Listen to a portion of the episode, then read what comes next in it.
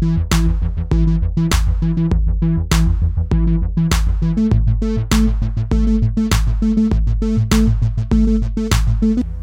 till Pappa Chef-podden, podden om föräldraskap och ledarskap. Jag heter som vanligt Johan Palmberg och det är jag som är pappachefen. Det innebär att jag är pappa till väldigt många barn. Jag har varit chef och ledare i olika roller i hela mitt yrkesliv och på fritiden så gillar jag att hålla på med musik, poddning och fotboll. Den här podden görs som vanligt i samarbete med Small Steps, din partner inom ledarutveckling, coachning inom CSR, lean och nätverkande. Pappa Chef-podden är podden som pratar om svårigheterna och möjligheterna med kombinationen förälder och chef. Vad kan man lära sig av ledarskapet på hemmaplan som är användbart till jobbet och tvärtom? Idag ska vi få lyssna på en intervju med Stefan Gustafsson, Sävsjö kommuns starke man och med mångårig erfarenhet av politik, ledarskap och föräldraskap. Håll till godo. Nu sitter vi här hos, eh, hos säger jag, ja det är det ju för all del, Stefan Precis. Gustafsson. Eh, är det nästan som ett eh, hem för dig, det här lilla rummet med på eh, kommunhuset i Sävsjö? Hem är väl kanske fel att säga men det är en plats där jag, där jag ändå känner att eh, här har jag mycket tid Mm. varje, varje vecka och så. En, liksom en plats där man ändå känner sig hemma inbodd på något sätt. Jag har varit här ganska länge så det känns bra. Jag förstår. Eh, välkommen till Pappa Chef-podden ska vi börja med att säga. Tack så mycket. Vi är hedrade av att få intervjua dig och ser fram emot mycket eh, den här eh, stunden vi ska ha tillsammans. Mm, Eh, vi vet ju att du eh, är ju en av våra, våra lyssnare till och med. så är det, Ja. verkligen. Hur, hur, har du, hur, hur kom du över Pappa Chef-podden? Jag eh, hittade den via LinkedIn tror jag och eh, blev nyfiken. Och sen har jag lyssnat på varje avsnitt och tycker också att jag har haft eh, behållning av de här råden och tipsen och reflektionerna som ni delar med av. Ett fint format och, och eh, någonting som ger en någonting i arbetet också. Och inte minst den lokala förankringen med två riksdagsbor. Absolut, Ja. helt fantastiskt.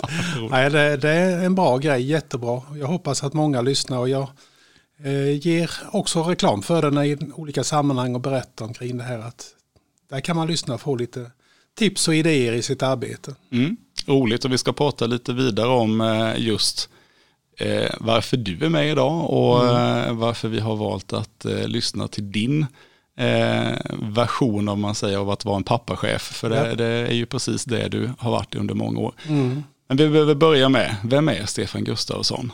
Eh, hur beskriver man sig?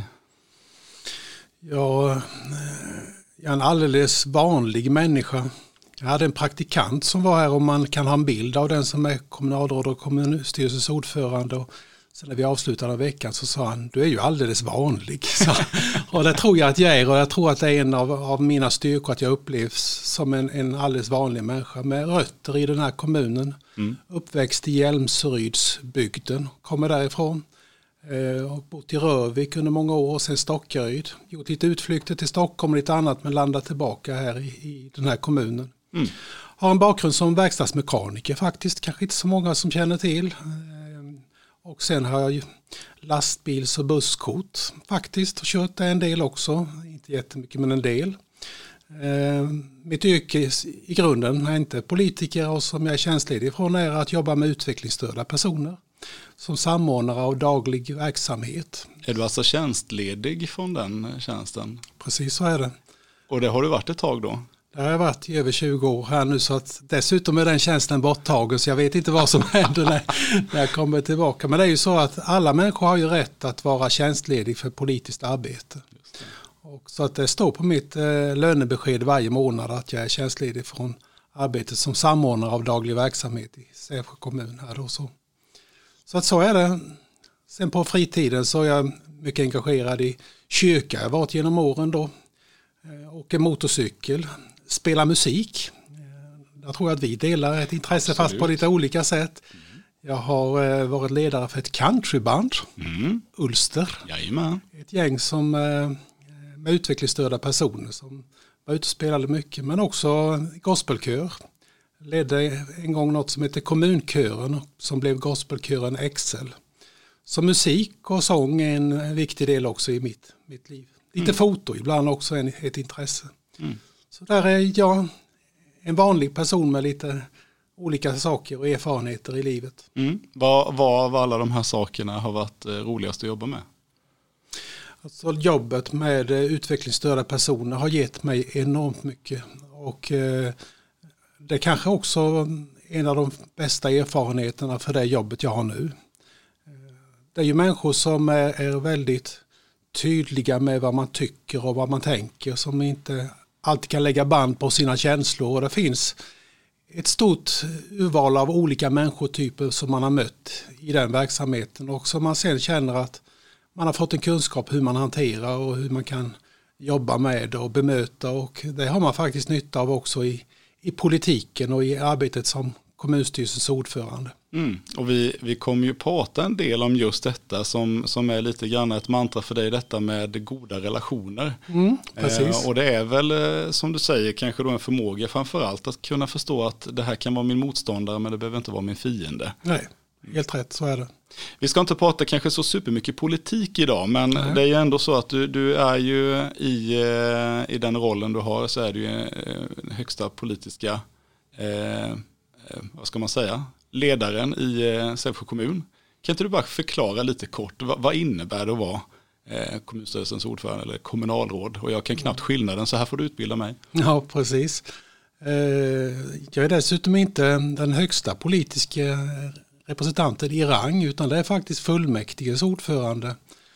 Precis som i Sverige så är det talmannen som är nummer ett när det kommer besök och annat så är det talmannen som möter det är ju statsministern annars man tror och möter mest och min roll här är ungefär att vara statsminister i, i kommunen. Mm. Sen har vi fullmäktiges ordförande som har en mer ceremoniell roll och som leder då fullmäktige som är den stora direktvalda församlingen. Så.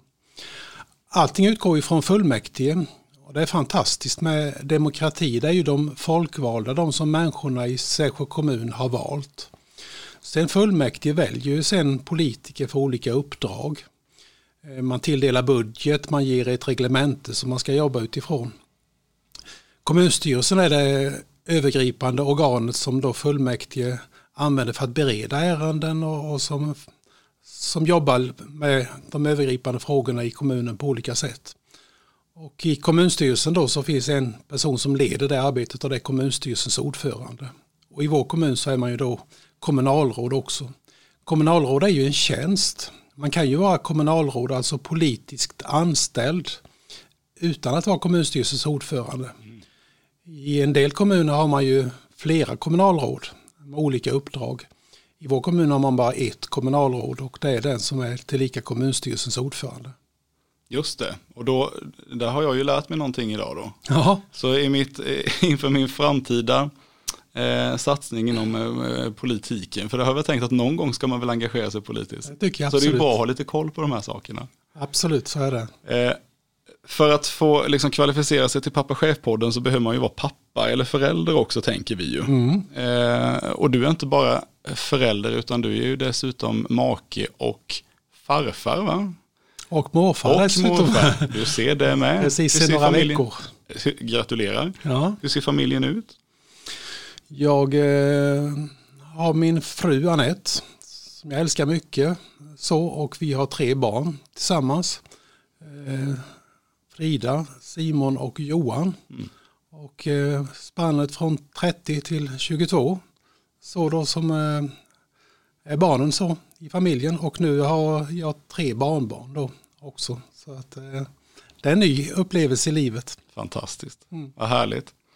Um, jag funderar lite grann på, eh, eh, vi, vi brukar ju ställa en eh, fråga här som, som, innan vi sätter igång med den riktiga intervjun och jag tar väl den till dig också. Mm. Hur går det med löpträningen?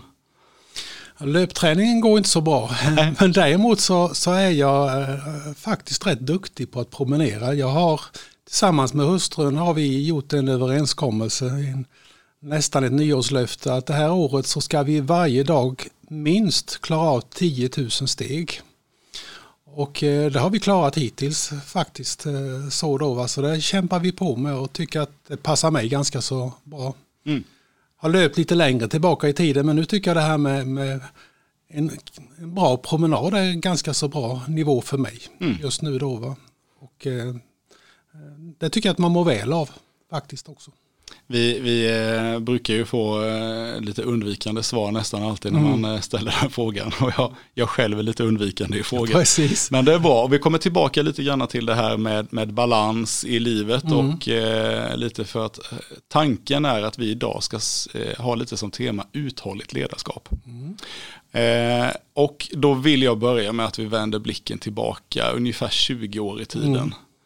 Eh, år 2000, vi hade precis haft ett millennieskifte, vi hade klarat oss från den där buggen som alla var rädda för.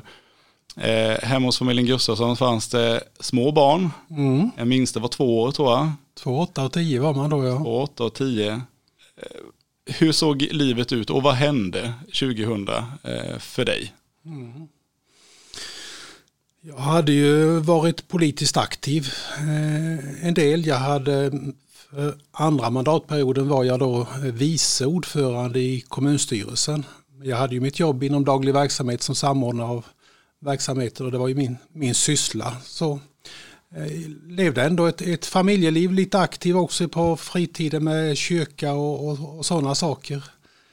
Så att ja, så såg livet ut. Sen var ju tillvaron i samhället och i Sverige och här i kommunen var ju ganska så dramatisk och det påverkar också det politiska arbetet så jag la ganska mycket tid med eh, presidiet i kommunstyrelsen. Det var ju Lars Strömblad och Lilian Sjöberg Wern som var mina närmaste samarbete. Vi hade ett allianssamarbete då och resonerade mycket vad vi skulle göra i det, den kris som kommunen då eh, faktiskt var i. Vi hade ju haft en bostadsbubbla som sprack under 90-talet var det vi fick uppleva det här med en ränta på 500 procent till exempel. Som en liten bild av vilken kris Sverige var. Med, med en krona som åkte upp och ner. Och, och, och en husbransch som eh, kapsejsade kan man nästan säga. Och med den småhustillverkning som vi hade i vår kommun så var ju det ett, ett, ett eh, katastrofläge med när stora spelare som Nordiska Trähus och Svedhus och andra inte klarade sig igenom det här då. Och vi hade en stor arbetslöshet kopplat till det. Stor utflyttning, vi tappade tusen invånare faktiskt under ett antal år. Och då blev det ju lediga bostäder och vi fick till och med riva hus för att det var för att sanera Säveboende de där åren. Stora underskott i kommunens eh, bokslut och budgetar och extra pengar till Sävebo för att sanera och ja, det, var, det var ett oerhört besvärligt läge. En arbetslöshet tidvis på 20 procent. Och det gjorde ju att man fick eh, ta rätt så häftiga åtgärder för att försöka få, få fräs på arbetsmarknaden på olika sätt. Lars Strömblad jobbade mycket, min företrädare då på, på det här och det gjordes ju saker som en del, kom ihåg en del blev riktigt bra. Typ Alak var ju en sån etablering som kommunen lyckades få till under de här åren då. Så gjordes ju andra satsningar som inte lyckades så väl. Man försökte med en MC-fabrik i Vriksta bland annat. Det minns jag, Highland. Precis, Highland Motors, ja, precis. Och det, det, man trodde att det skulle kunna bli någonting av det, men det blev ju inte mm. så. Man prövade att göra ångmaskiner, en ångmaskinsfabrik och så. Och det ska man, en del kanske tycker att det var konstiga satsningar, men i den kontexten man hade just då, med den krisen som var och det var nästan som att, att dra i ett snöre så alla vände sig till kommunen. Och vad gör kommunen åt detta? Mm. Och eh, då tog man varje halmstrå och jobbade intensivt för att försöka hitta lösningar och få människor i arbete. Mm. Och bevisligen blev ju en del faktiskt riktigt bra som den här A-laxsatsningen som är ett av kommunens största företag sedan dess. Mm. Men det var en tuff tid. Det var verkligen kris i kommunen och när, när det går neråt och backar så blir det också på något sätt vad säger talesättet, när krubban är tom bits hästarna. Mm. Det var nog det vi upplevde för att mm. det blev osämja i politiken vill jag påstå, mellan politik och tjänstemän, mellan företagare och kommun. Och, och många eh, uttryckte sig väldigt negativt om kommunen och såg det hopplöst och, och eh, här finns ingen framtid. Och så fort man kunde så skulle man flytta härifrån. Eller, sådär då. Va? Så att det, det, var verkligen en tuff tid. En deppig tid kan man väl säga mitt i allt. Då. Och mitt i det här då, det är ju ingen jätteljus bild vi målar Nej. upp av läget eh, år 2000. Mitt i detta så, så får Stefan Gustafsson kliva in i ansvarsroll i en mm. kommun i kris. Precis. Hur gick det till?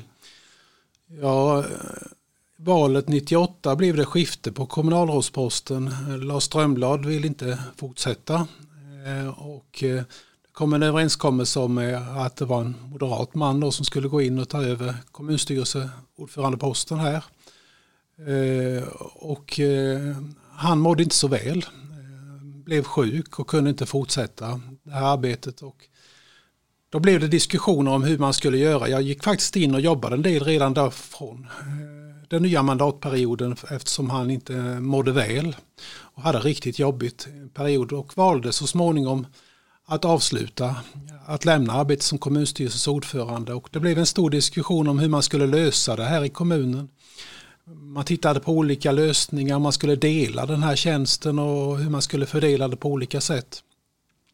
Sen år 2000 där så framåt höstkanten så efter alla diskussioner så kom frågan från eh, en parlamentarisk kommitté som jobbade med de här frågorna till mig om jag skulle kunna tänka mig att fortsätta den här mandatperioden ut eftersom jag ändå hade fått gå in då som vice ordförande att ta ansvar under lång tid och hållit ihop det som en tillfällig lösning.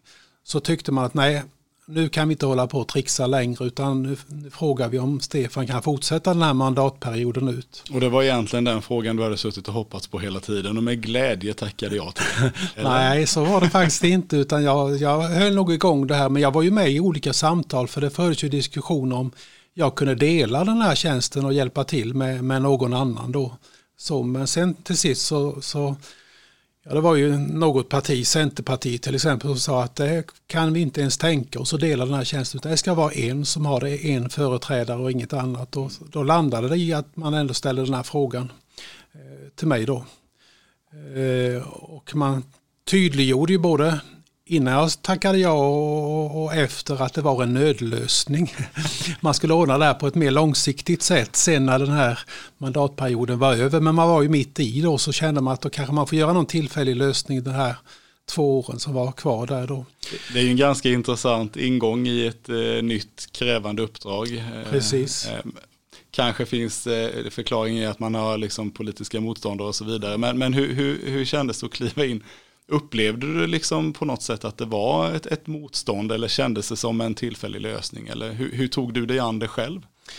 Eh, jag tror att, att eh, det är klart att det var ett stort steg att för första gången i historien sätta en kristdemokrat på den här positionen.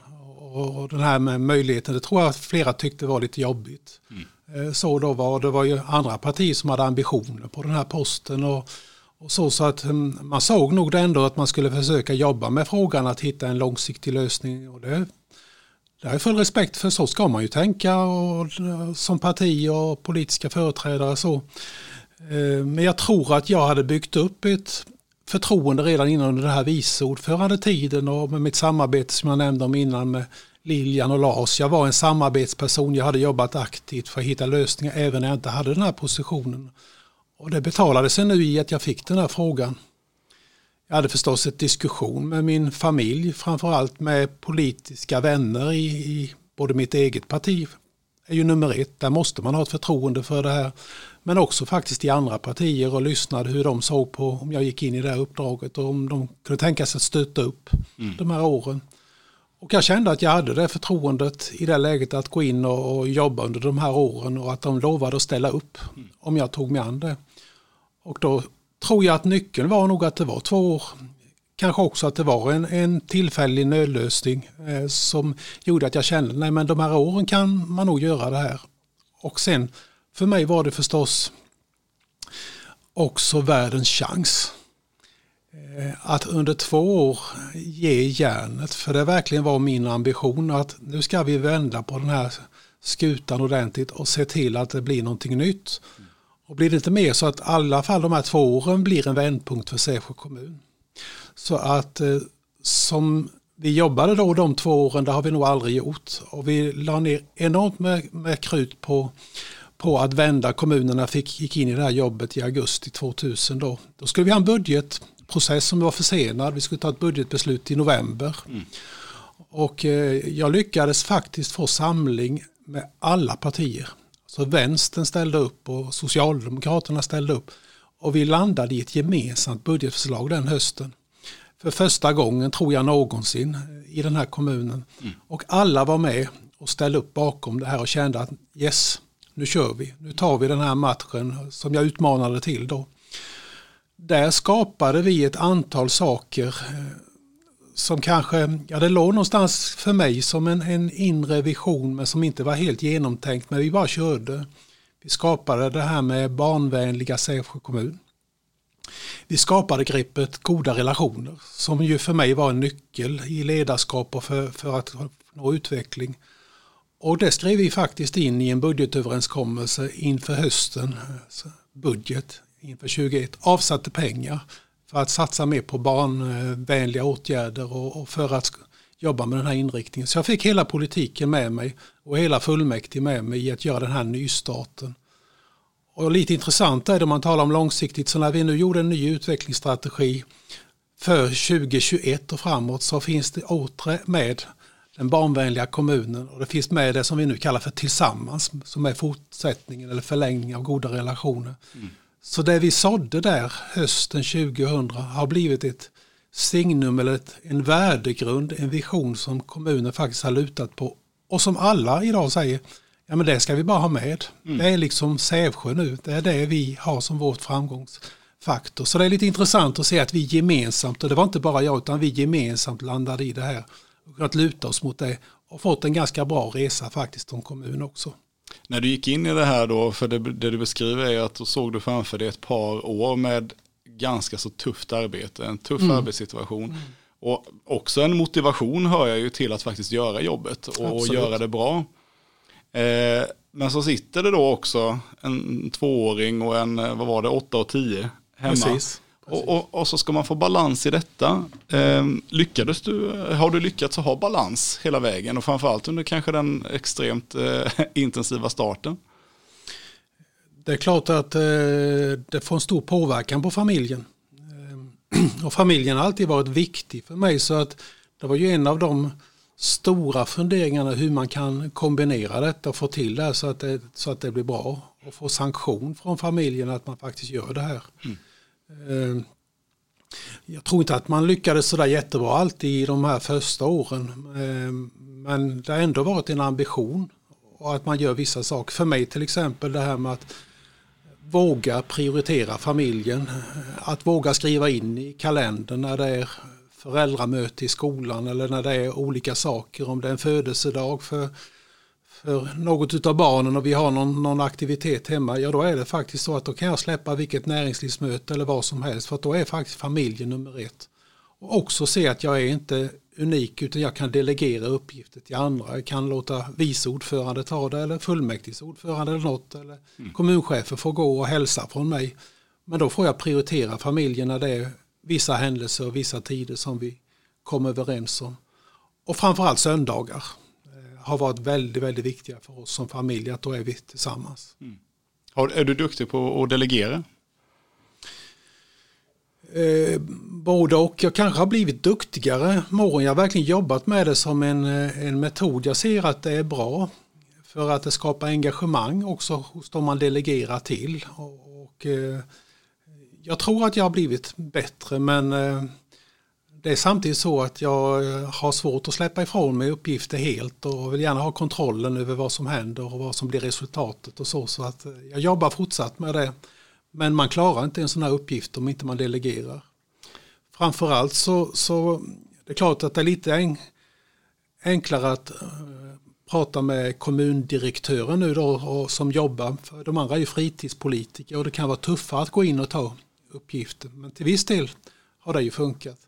Men eh, Jan Holmqvist och jag pratar väldigt mycket om vem som åker på olika möten. Och jag brukar gå in till honom när det kommer inbjudningar och så frågar du eller jag.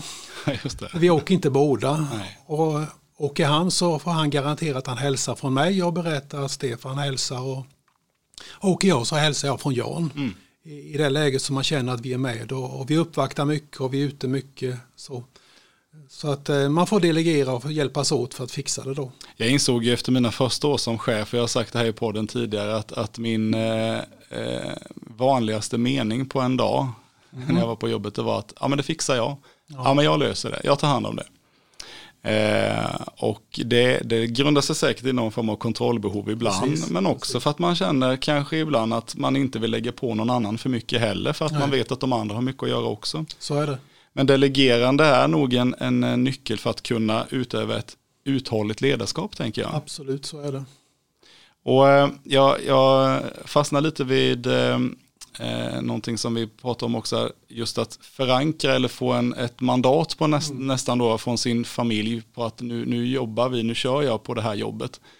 Eh, tror du att eh, dagens samhälle där vi går ganska mycket mot eh, individ, individualismen, alltså mm. man ska förverkliga sig själv. Mm. Det är viktigt att man uppnår sina egna drömmar och mål. Mm.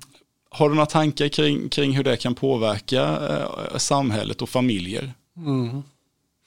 Nej, jag tror att det finns en stor fara i det och jag, jag tror ju inte på individualismen. Jag tror ju på personalismen. Alltså att samhällets hela utgångspunkt är de små gemenskaperna. Eh, vi har ett behov av att, att hänga ihop och vara en del i ett sammanhang.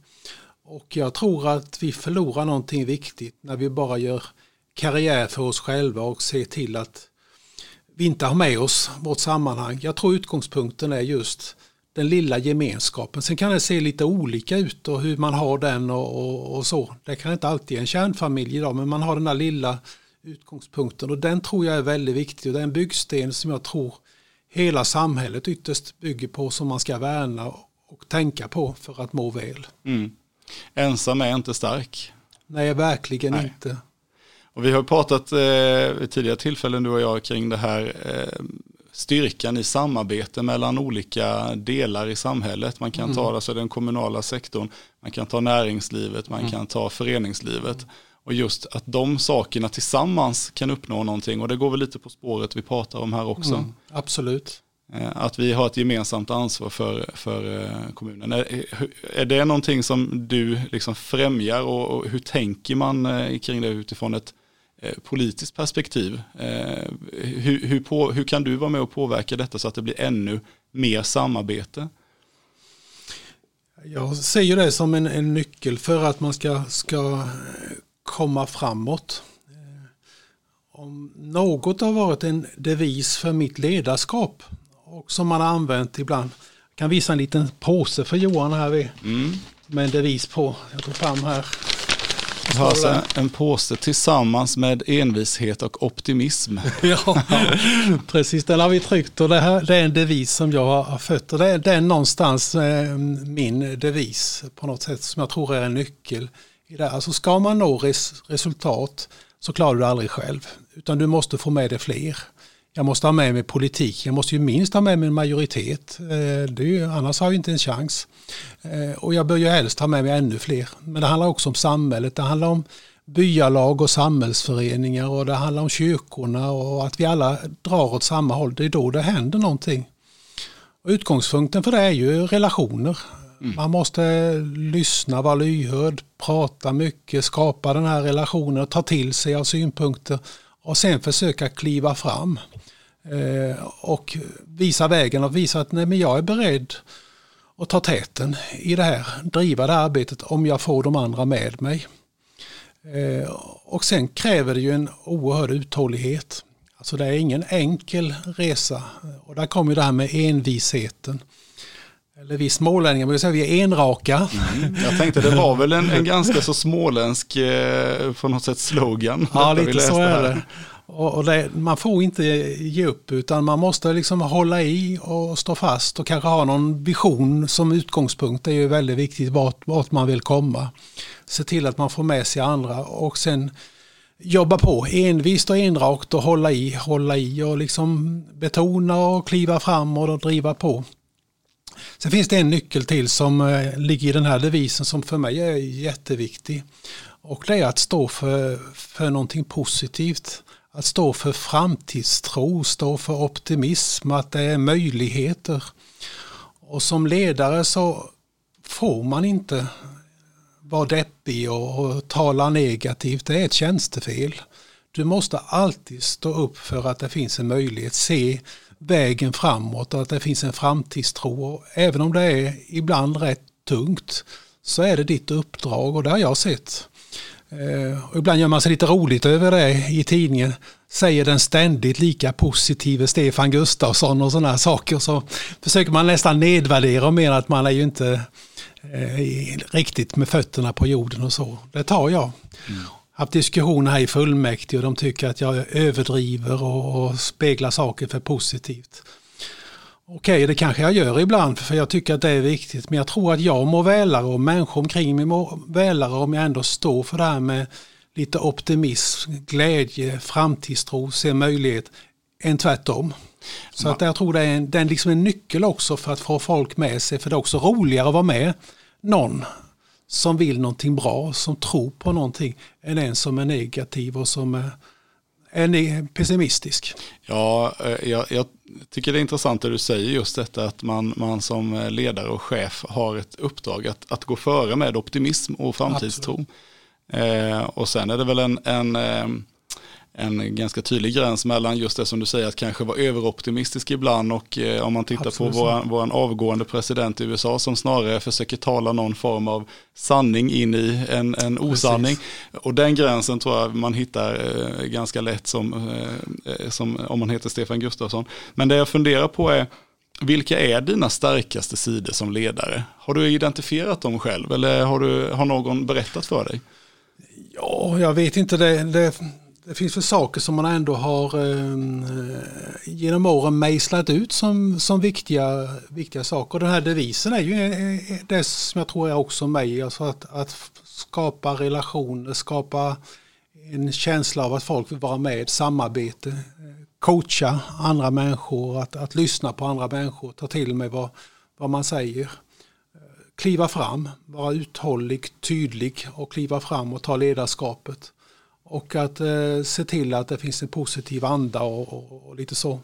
Om jag tolkar det rätt så är det lite balansen mellan att, vara, att, att lyssna 90% av gångerna för att 10% av gångerna kunna peka med hela handen och säga nu blev det så här. Precis, så, så är det ju. Sen är det ju, alltså det som är viktigt tycker jag för mig är ju också att man som ledare har en tydlig vision. En tydlig målbild. Den behöver du för dig själv. Eh, du behöver också reda ut vad som är ditt eget motiv. Det har jag alltid jobbat med inför varje mandatperiod och, och, och känt varför vill du göra detta? Mm. Vad har du för motiv till att vilja göra detta? Vad är det som är din drivkraft?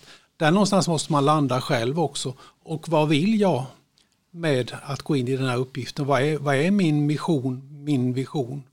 Och vad kan vara kommunens då, i det här fallet, vision och målbild för, för framtiden? Det är jätteviktiga bitar att ta med sig också för att funka i ledarskapet. Att man är, har uttalat det för sig själv, har kanske skrivit ner det där för sig själv. Och det, så har jag jobbat inför varje mandatperiod. Att man liksom suttit mycket och, och skrivit och tänkt ner och var, liksom analysera upp vad, vad står jag, vad tänker jag och hur, hur vill jag och, och vad är rätt för mig framöver och hur ser alternativen ut. Mm. Det måste man också fundera över så att man inte är låst. Och sen tar man ställning utifrån det, plus och minus och liksom bestämmer sig. Och sen när man bestämt sig så, så kör man.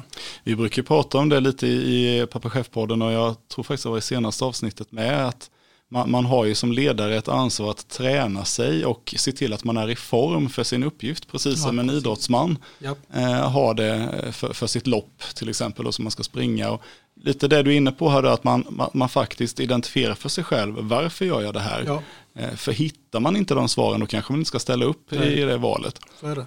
Vad gör du mer för att fylla på din, din egen eh, liksom, tank, på, om man säger, för, för att eh, orka och fortsätta vara uthållig?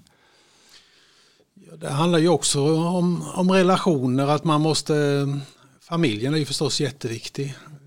Jag är ju en personligt kristen person och det gör ju att, att min relation också med, med Gud är jätteviktig och att man känner att det funkar.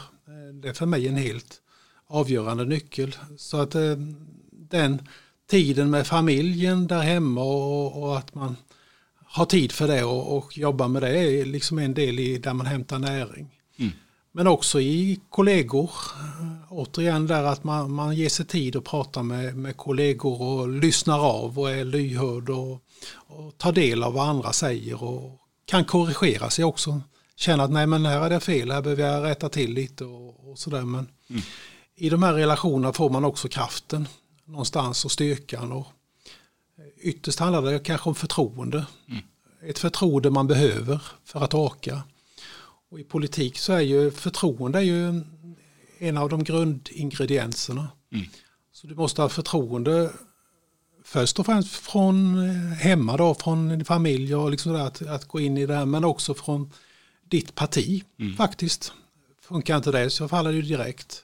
Du måste ha ett förtroende från alla invånare i kommunen för att bli vald. Mm. Fallerar det så är man ju ute direkt också. Mm.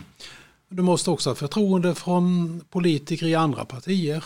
Mm. Eh, mitt namn väljs ju bland de andra när man ska utses till det här och de ska acceptera det åtminstone. Man ska känna det förtroendet. Så att förtroende är liksom en grund och också en, en kraft sen när man jobbar vidare. Att man känner man, man vilar någonstans på att man har det här förtroendet och fått den här uppgiften mm. av de andra. Vi pratade lite om det när vi, när vi talades vid inför den här intervjun, eh, att även om kanske inte Stefan Gustafsson har varit ute i de absolut värsta blåsväderna mm. så kan det naturligtvis emellanåt utifrån förtroendeperspektivet då, eh, det krävs ju inte särskilt mycket ibland för att, man ska, för att det ska bli lite stormigt kring en politiker. Det kan vara avgångskrav för både det ena och det ja. andra. Eh, har du själv eh, upplevt någon, någon eh, liksom form av, av sån eh, eh, situation? Eh, som politiker kan man ju få pudla. Just det. Och det har jag gjort också ordentligt. Eh, faktiskt så. Eh, för mig har det varit viktigt att för att få förtroende att också vara transparent. Mm. Att vara kommunikativ. Eh, jag lägger mycket tid på media. Det är en av de stora arbets, arbetsdelarna och också att, att berätta som det är. Mm förstås ur en positiv vinkel om jag kan. Men ibland är det negativa nyheter, då ska man stå för det också. Och, eh, jag gjorde ju en, en stor blunder och ett klavertramp med att köra 56 kilometer utanför Vrigsta skola. Polisen tog mig. Och de tog körkortet direkt, vid stående fot. Eh, där då. Och det var inte jättekul faktiskt. Eh, och eh, jag fick ju en tillfällig lapp att jag fick köra hem eller, och jag åkte förbi kommunalhuset här då och jag ringde till fullmäktiges ordförande som är ju ytterst här då och berättade, vad, berättade för kommunchefen vad som hade hänt. Och det jag gjorde därefter var att jag skrev ett pressmeddelande om att jag hade klantat till det och att jag eh, det, var, det var ett dåligt valt att göra på det här sättet. Eh, jag ber om ursäkt för att betett mig illa.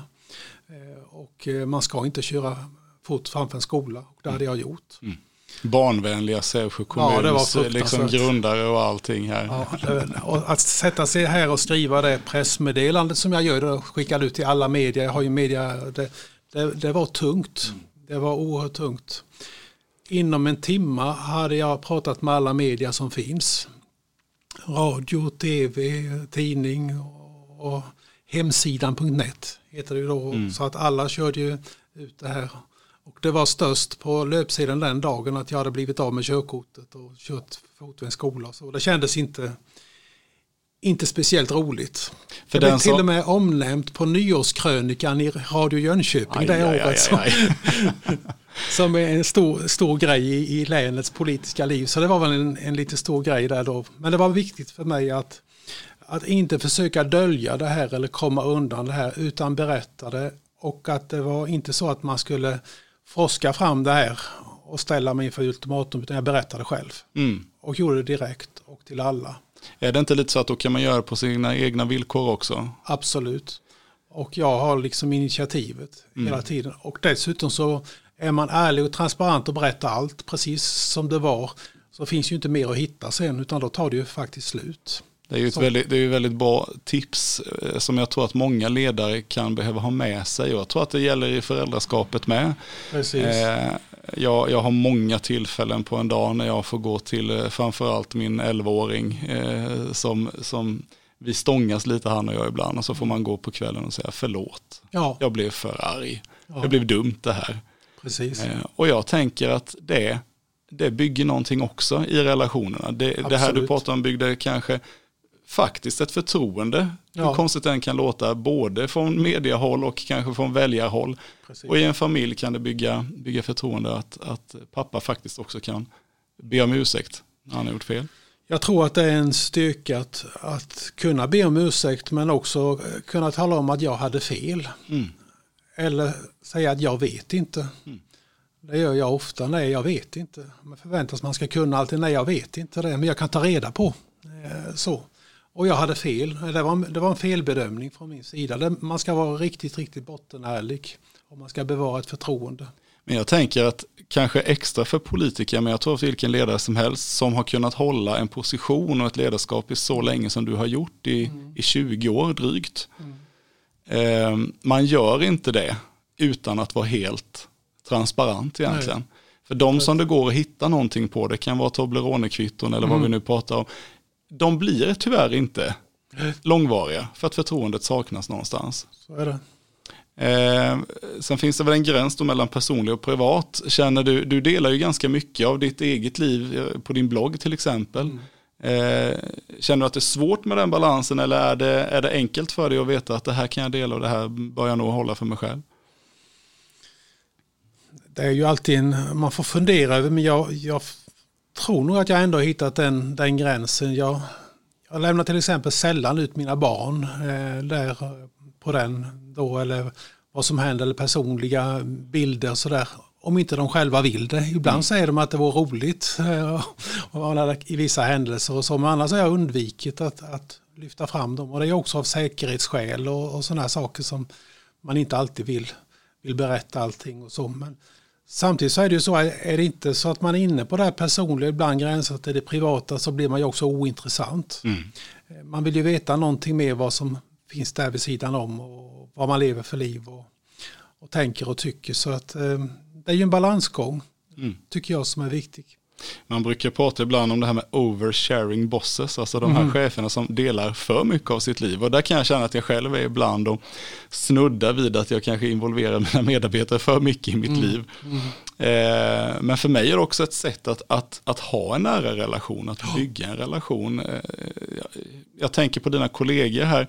Jag kan tänka mig att det är många som har kommit och gått genom åren och Stefan mm. Gustafsson har suttit kvar på något sätt. Precis. Eh, är du rent tekniskt chef för någon? Är du ledare för någon enskild person?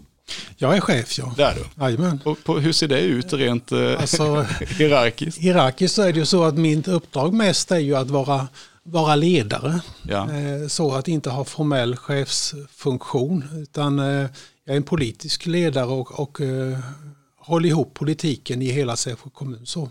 Sen är det ju organiserat så att det finns en kommundirektör, ett tjänstemannaupplägg och kommundirektören är ju den ledande tjänstemannen som är chef över organisationen. Men jag är chef över kommundirektören. Just det. Jag sätter hans lön, vi har medarbetarsamtal och, och på det sättet då. Ja. Så att eh, där har jag också en chefsfunktion. Vad har varit viktigt för dig genom åren för att bygga liksom ditt team om man säger? För du har ju, även om man inte har personalen som för alla, så har man ju naturligtvis nära medarbetare som man jobbar nära med ständigt. Mm. Vad har varit viktigt för dig eh, utifrån din roll och vad, vad, kan man skicka med för tips för den som, som sitter kanske lite ny som chef? Vad ska man tänka på när man ska få ihop ett arbetslag och en grupp?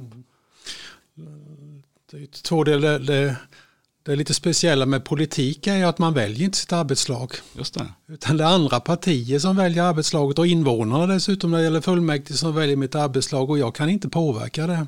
Inte överhuvudtaget utan jag får ett arbetslag mig tilldelat faktiskt. Ännu mer speciellt då. Så att det är ju väldigt speciellt med politiken. Men sen har man ju en eh, tjänstemannasida där vi också anställer människor för att göra uppgifter och, och vilket skapar ibland olika speciella grupper för speciella tider och där, där jag är med och formar det. För mig är det viktigt att eh, alltid försöka ha med mig de bästa. Mm. Alltså gärna och, och, alltid de som är bättre än jag själv. Mm hela tiden leta efter bra kompetens och också försöka skapa arbetsgrupper och få in människor som är annorlunda. Det får inte vara homogent utan eh, så att alla är likadana utan det ska vara spänning och lite bredd och lite dynamik i gruppen om det ska bli bra resultat. Och det försöker jag tänka så när jag sätter ihop grupper eller arbetslag eller formar medarbetare. Och sen förstås, de måste ju stämma med det som är min vision. Mm. Mitt ledarskap, att det liksom går åt det hållet. Mm. Sen får det gärna vara olika. Vi, eh, jag tror att många chefer och många ledare är obekväma eller rädda för konflikt. Mm. Och det, det, är naturligtvis inte någonting som är roligt, men i, i, ett, i ett arbetslag där det aldrig finns en dynamik som du säger, mm. där det aldrig finns o, olika meningar, där kanske man inte heller rör sig framåt på samma sätt. Nej. Och en av dina eh, liksom, grundläggande värderingar på något sätt som vi har pratat om innan, det är ju det här med goda relationer. Och du nämnde det också eh, runt 2000, där kan du inte mm. utveckla lite hur du tänker runt, runt eh, vad det betyder för dig, liksom, goda relationer? Goda relationer är, eh, ja, det har varit en nyckel. Relationer tror jag är utgångspunkten för framgång och för att det ska hända, bli någon utveckling överhuvudtaget. Jag fick med mig hemifrån från mina föräldrar och, och, på olika sätt så var det väldigt viktigt. De betonade för oss som barn när vi växte upp hur viktigt det är att jobba med goda relationer. Och hur man kan få lida av eh, genom livet om man inte har det. Alltså konflikter i släkt eller i familj och så, och vad det kan skapa mm. elände. Mm. Så att goda relationer har man liksom haft med sig i blodet hela vägen och det kändes angeläget att också ta med sig det in i den här rollen sen. Och för mig har det liksom legat med. Det har varit en, någonting som jag hela tiden kommit tillbaka till och som har blivit en nyckel för oss i kommunen. Sen som jag säger det här med tillsammans. Det är ju goda relationer i liksom sin utveckling. Och idag är ju tillsammans, vi har tillsammans-tidning som vi delar ut till alla mm. medborgare. Vi använder det i olika sammanhang. Det finns med i vår vision. Mm. Det är ju tillsammans en del då. Så jag talar ofta om goda relationer ur flera perspektiv. Eh, inåt, utåt, uppåt. Och det finns en personlig del i detta. Alltså jag måste fungera och ha goda relationer inåt. Då handlar det om mig själv. Det handlar om, som vi nämnde om innan, om min hälsa. Att jag ser till att jag eh, motionerar, att jag får sömn, att jag kan äta. Och att jag mår väl tillsammans med min familj. Det har harmoni där. Det är liksom mitt inre. Funkar inte det så fallerar alltihop någonstans. Det handlar också om eh, utåt. Och då är det ju de som är i politiken, mina politiska kollegor som jag har här och, och de jag samarbetar med, tjänstemännen runt omkring och eh, här då så. Och uppåt, ja det är förstås för mig är det också den andliga perspektivet som är jätteviktigt för mig att jag känner att jag har den relationen klar och att den funkar, funkar väl, väl så då. Mm för mig finns ju en dimension i det här också att vi som kommun, alltså när vi bestämde oss i det där budgetarbetet hösten 2001 för att jobba med goda relationer och det som sen ju blev tillsammans, så var det inte bara ett ord, utan det var någonting som vi jobbade med faktiskt som ett mål. Mm. Då handlade det om att eh, gå från att det var eh, mycket konflikter och elände i politiken, mellan politik och tjänstemän, att vi skulle jobba med goda relationer som ett mål, att försöka hitta det. Vi skulle också jobba med företagen. Det var ett oerhört konfliktande mellan kommun och företag och insändare och klagomål på en del andra. Och där vi började med att jobba med företagsträffar och vi landade då i det som sen blev SNAB, Sävsjö Näringslivs AB. Vi bildade ett bolag som vi ägde tillsammans mm. med näringslivet. Det är en del av tillsammans och goda relationer. Mm. Vi började med regelbundna träffar med byalag och samhällsföreningar ute i kommunen åkte ut eh, många gånger om året för att möta människorna där ute och lyssna vad de hade för input till oss i kommunen och lite så. Vi hade genom åren blivit kända för att Sävsjö var svåra att samarbeta med som kommun. Vi började då lite mer konsekvent att jobba med våra grannkommuner och med, med länet mm. som en del i det här med utåt. Så då, va? Det har ju sen lett fram i att vi idag har ett kommunalförbund till exempel på höglandet där vi bedriver mycket verksamhet ihop och ökat verksamheten ihop med Vetlanda kommun, med VA och lite mm. olika saker. Så vi har verkligen jobbat med goda relationer som ett mål på olika perspektiv. Uppåt i det fallet är ju förstås länsstyrelse och, och riksdag och annat där vi har varit mycket, mycket mer aktiva de senare åren. Så att goda relationer för mig eh, har en personlig innebörd i alla de här perspektiven men också för oss som kommun i vårt arbetssätt. Och någonstans så är relationer det är grunden för utveckling, för att det ska hända något, för att man ska komma vidare. Mm. Det börjar någonstans med att man hittar det. Det tror jag är en nyckel och det är där jag har landat i goda relationer som så viktigt. Och det här är väl en av orsakerna till att man håller också då som ledare under tid och man, man, man, man har en, en tydlig bild och är, när man pratar med dig så sitter man ju hela tiden med känslan av att det är laget framför jaget. Ja, hade, inte det här, hade inte det här Stefan varit en, eh, någonting för, för Sverige på riksnivå? Har, har det aldrig lockat att, eh, att eh, bli riksdagsman eller kanske någonting annat inom partiet? Hur har det sett ut för dig? Eh, nej, det har det faktiskt inte gjort. Det är klart att jag någon gång har tänkt tanken och jag har ju varit engagerad eh, till dels i rikspolitik i, i partiet och haft lite uppdrag att jobba med, med olika kommittéer och, och, annat och så. Men för mig har inte det lockat och det är av två skäl. För att jag känner att då går det över gränsen för att det drabbar familjen. Då är man inte hemma längre. Eh, jag har haft som en, en eh, viktig utgångspunkt att försöka sova hemma. Är det på konferenser och det är ju mycket i min värld med lunch till lunch och sånt där. Jag är gärna med på lunch till lunch och då är jag med hela dagen och ibland en stund fram på kvällen. Jag åker hem. Mm. Så sover jag hemma för jag vill sova med familjen. Jag vill kunna äta frukost med mina barn och resonera lite om skolan och skoldagen innan pyser tillbaka på det andra. Mm.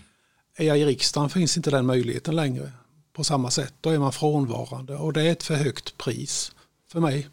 Jag tänker ändå när man har varit med så pass länge som du har varit, det är klart att du är ett etablerat namn i partiet. Och jo. Eh, jag menar, du känner alla som sitter i, i, i, det, är ju inte, det är inte Sveriges största parti, så jag tänker Nej. att man, man, är liksom, eh, men, men, det har inte lockat. Och det är liksom hela den här personliga delen av att inte vilja tappa den lokala förankringen och möjligheten till att träffa sin familj regelbundet.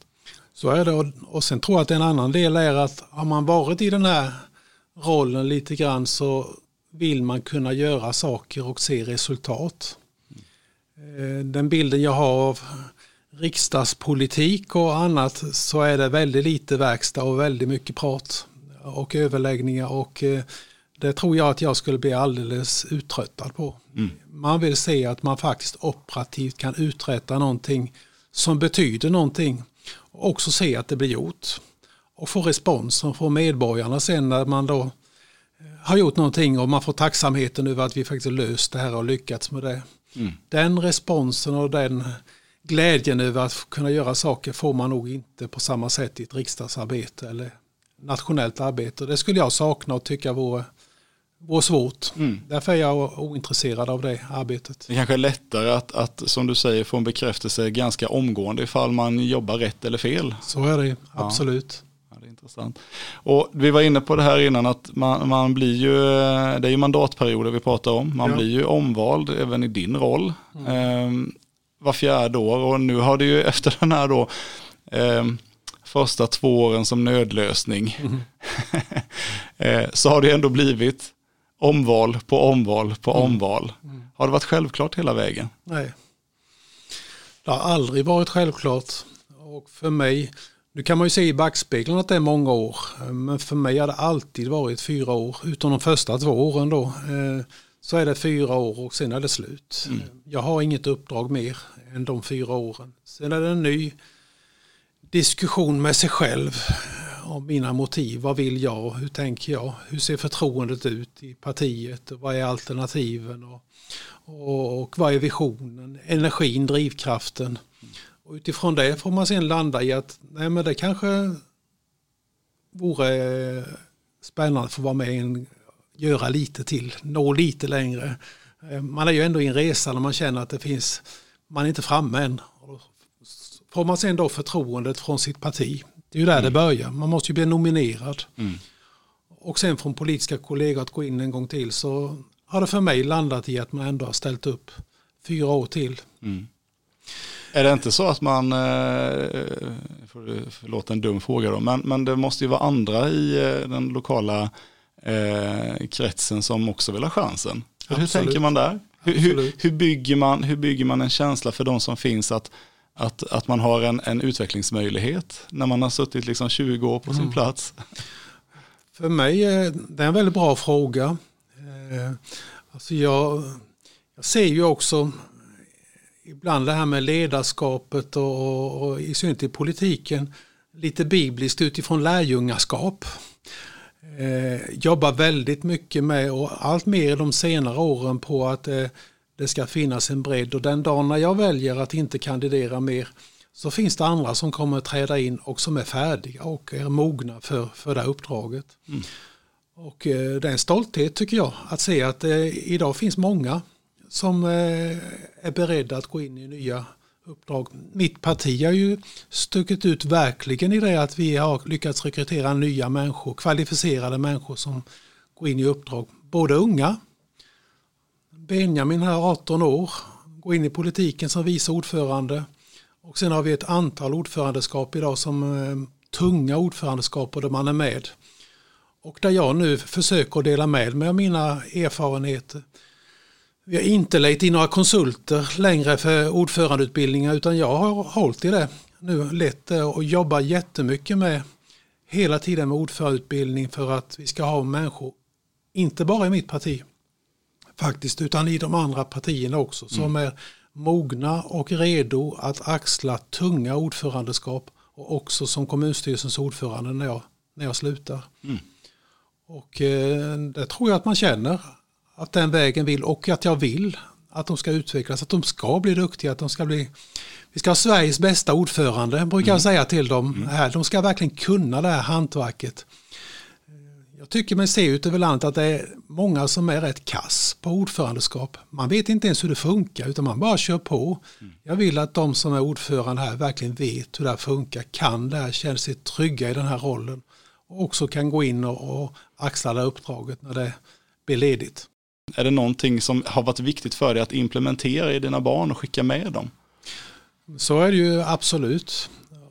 Och jag hoppas ju att eh, de har ju sett mitt arbete, det har varit nära. Jag har ju verkligen försökt att jobba hemma mycket. Det har ju varit en del i det här att eh, man ska vara närvarande för sina barn. Eh, så. Och då har jag gärna när dagen är slut tagit med mig datorn hem hellre än att sitta kvar här.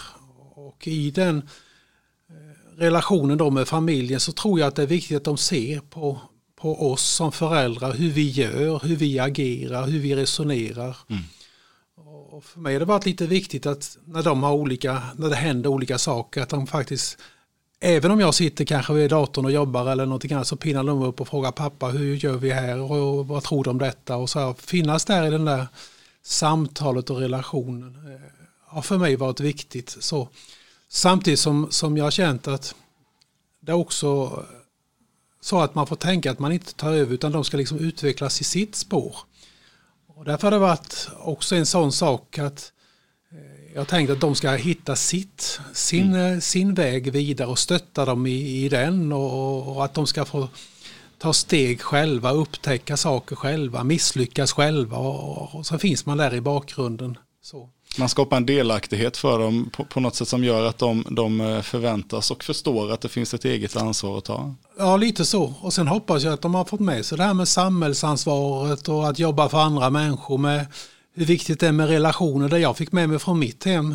Att de ska ha sett det och ta del av det i sitt liv när de går vidare. Och, Sen har man förstås fallerat mycket och misslyckats mycket i, i det här och känt ibland när man tänker tillbaka och funderat över man kanske borde engagerat sig mer, man kanske borde tänkt igenom mer vad man gör och vad man skickade med och så. Ibland kan det ge lite dåligt samvete.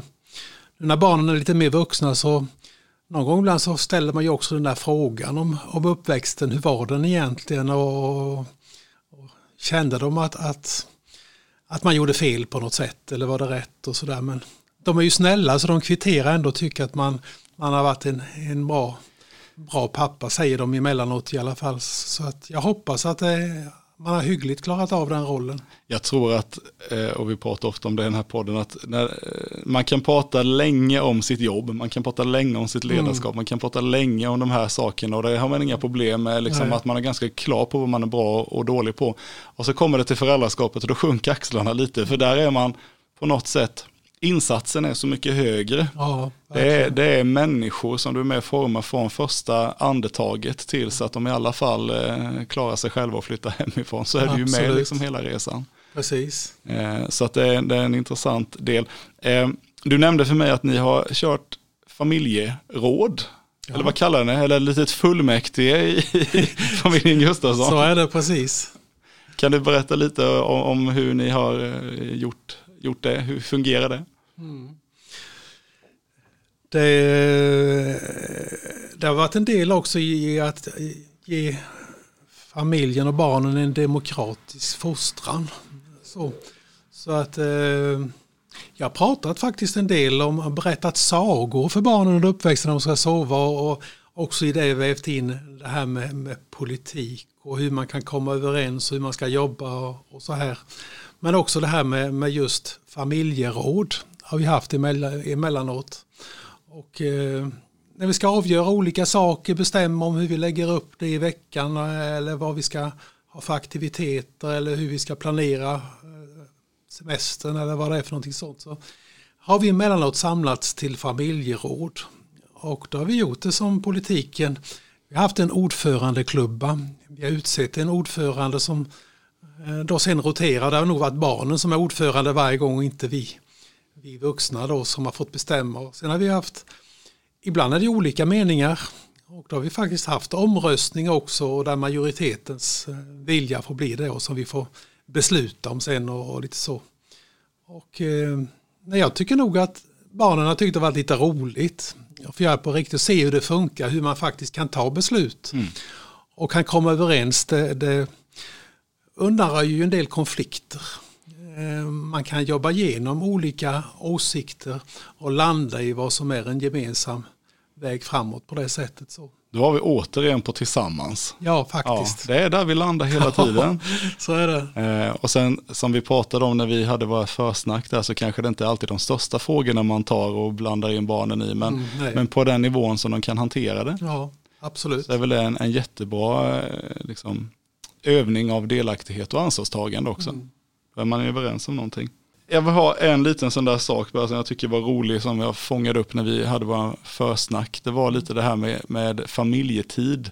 Mm. Det här med eh, kvalitet kontra kvantitet. Mm. Man brukar ju som stressad små, småbarnsförälder resonera så att eh, det är kvalitetstiden som räknas. Precis. Men så tänker inte du. Nej. Vad tänker du? Nej, jag tänker att vara närvarande för sina barn så mycket som möjligt. Jag behöver inte aktivt när de är små leka med barnen men jag ska finnas där. Mm. Och de ska kunna känna att pappa finns och är alltid till hands. De kan springa och fråga när som helst och man är en närvarande pappa. Mm. Så kan man göra kvalitetsgrejer också självklart.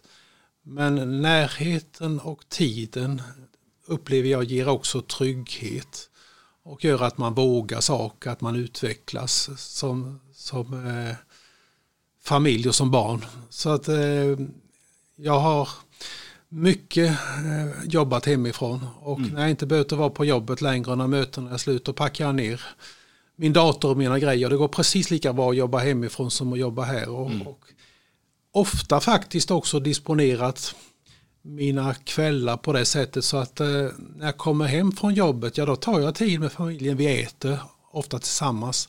Måltiden tror jag är viktig, eller fikat. Mm. Och då ska vi sitta ihop, mm. hela familjen, prata igenom dagen. Eh, ett tag så brukade jag alltid fråga vad har varit roligast idag? Mm. Och vad är det som har varit tråkigast idag? Och ställt den frågan till, till alla barn och fått dem liksom att stämma av för att verkligen tanka av vad de har varit med om, vad de har upplevt. Den hade vi igår också runt bordet. Okay. Den är intressant.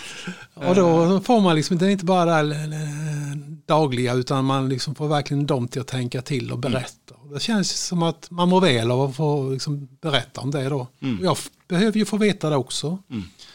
Så den där stunden har varit eh, viktig. På, kan man äta frukost ihop på morgonen men kan man också få en stund på kvällen efter mm. dagen i skolan och, och det man har gjort och prata lite grann så. Eh, sen har jag gått tillbaka och jobbat. En stund lite senare, kanske när de var små, och de gått och lagt sig. Då har jag kört mm. igen ett antal timmar. Mm. Så då. Mm. Men då tror jag de ändå har fått uppleva att jag har funnits där. Och lyssnat och tagit del av dem på något sätt. Då. Och det tror jag har varit bra. Så kvantitet är för mig viktigt. Vi tar det som ett, eh, som ett tips från Pappa Chef-podden. Vi kan, vi kan eh, sanktionera det eh, uttalandet. Jag tror mm. att det ligger mycket i det som du säger. Mm. Eh, vi brukar avsluta med att fundera på om det är så att det är någonting man skulle vilja tipsa om. Mm. Någon, någon rekommendation som ja. vi får skicka med från Stefan. Vad, vad har du för någonting? För mig är det, tror jag, ganska klart vad jag skulle vilja tipsa om. Så. Eh, och jag frågade min hustru igår vad hon tyckte. Jag vet ju att den här frågan kan komma. Vad hon kände att jag skulle tipsa om. om, om jag frågade, och hon tyckte samma sak. Mm. Så det är ett tips både från Anette och mig som vi för vidare till er. Och det är att låta söndagen bli en annorlunda dag. Eh, se till att inte jobba på söndagen. Mm. En dag i veckan då du absolut inte ska jobba någonting. Eh, utan göra det till en annorlunda dag.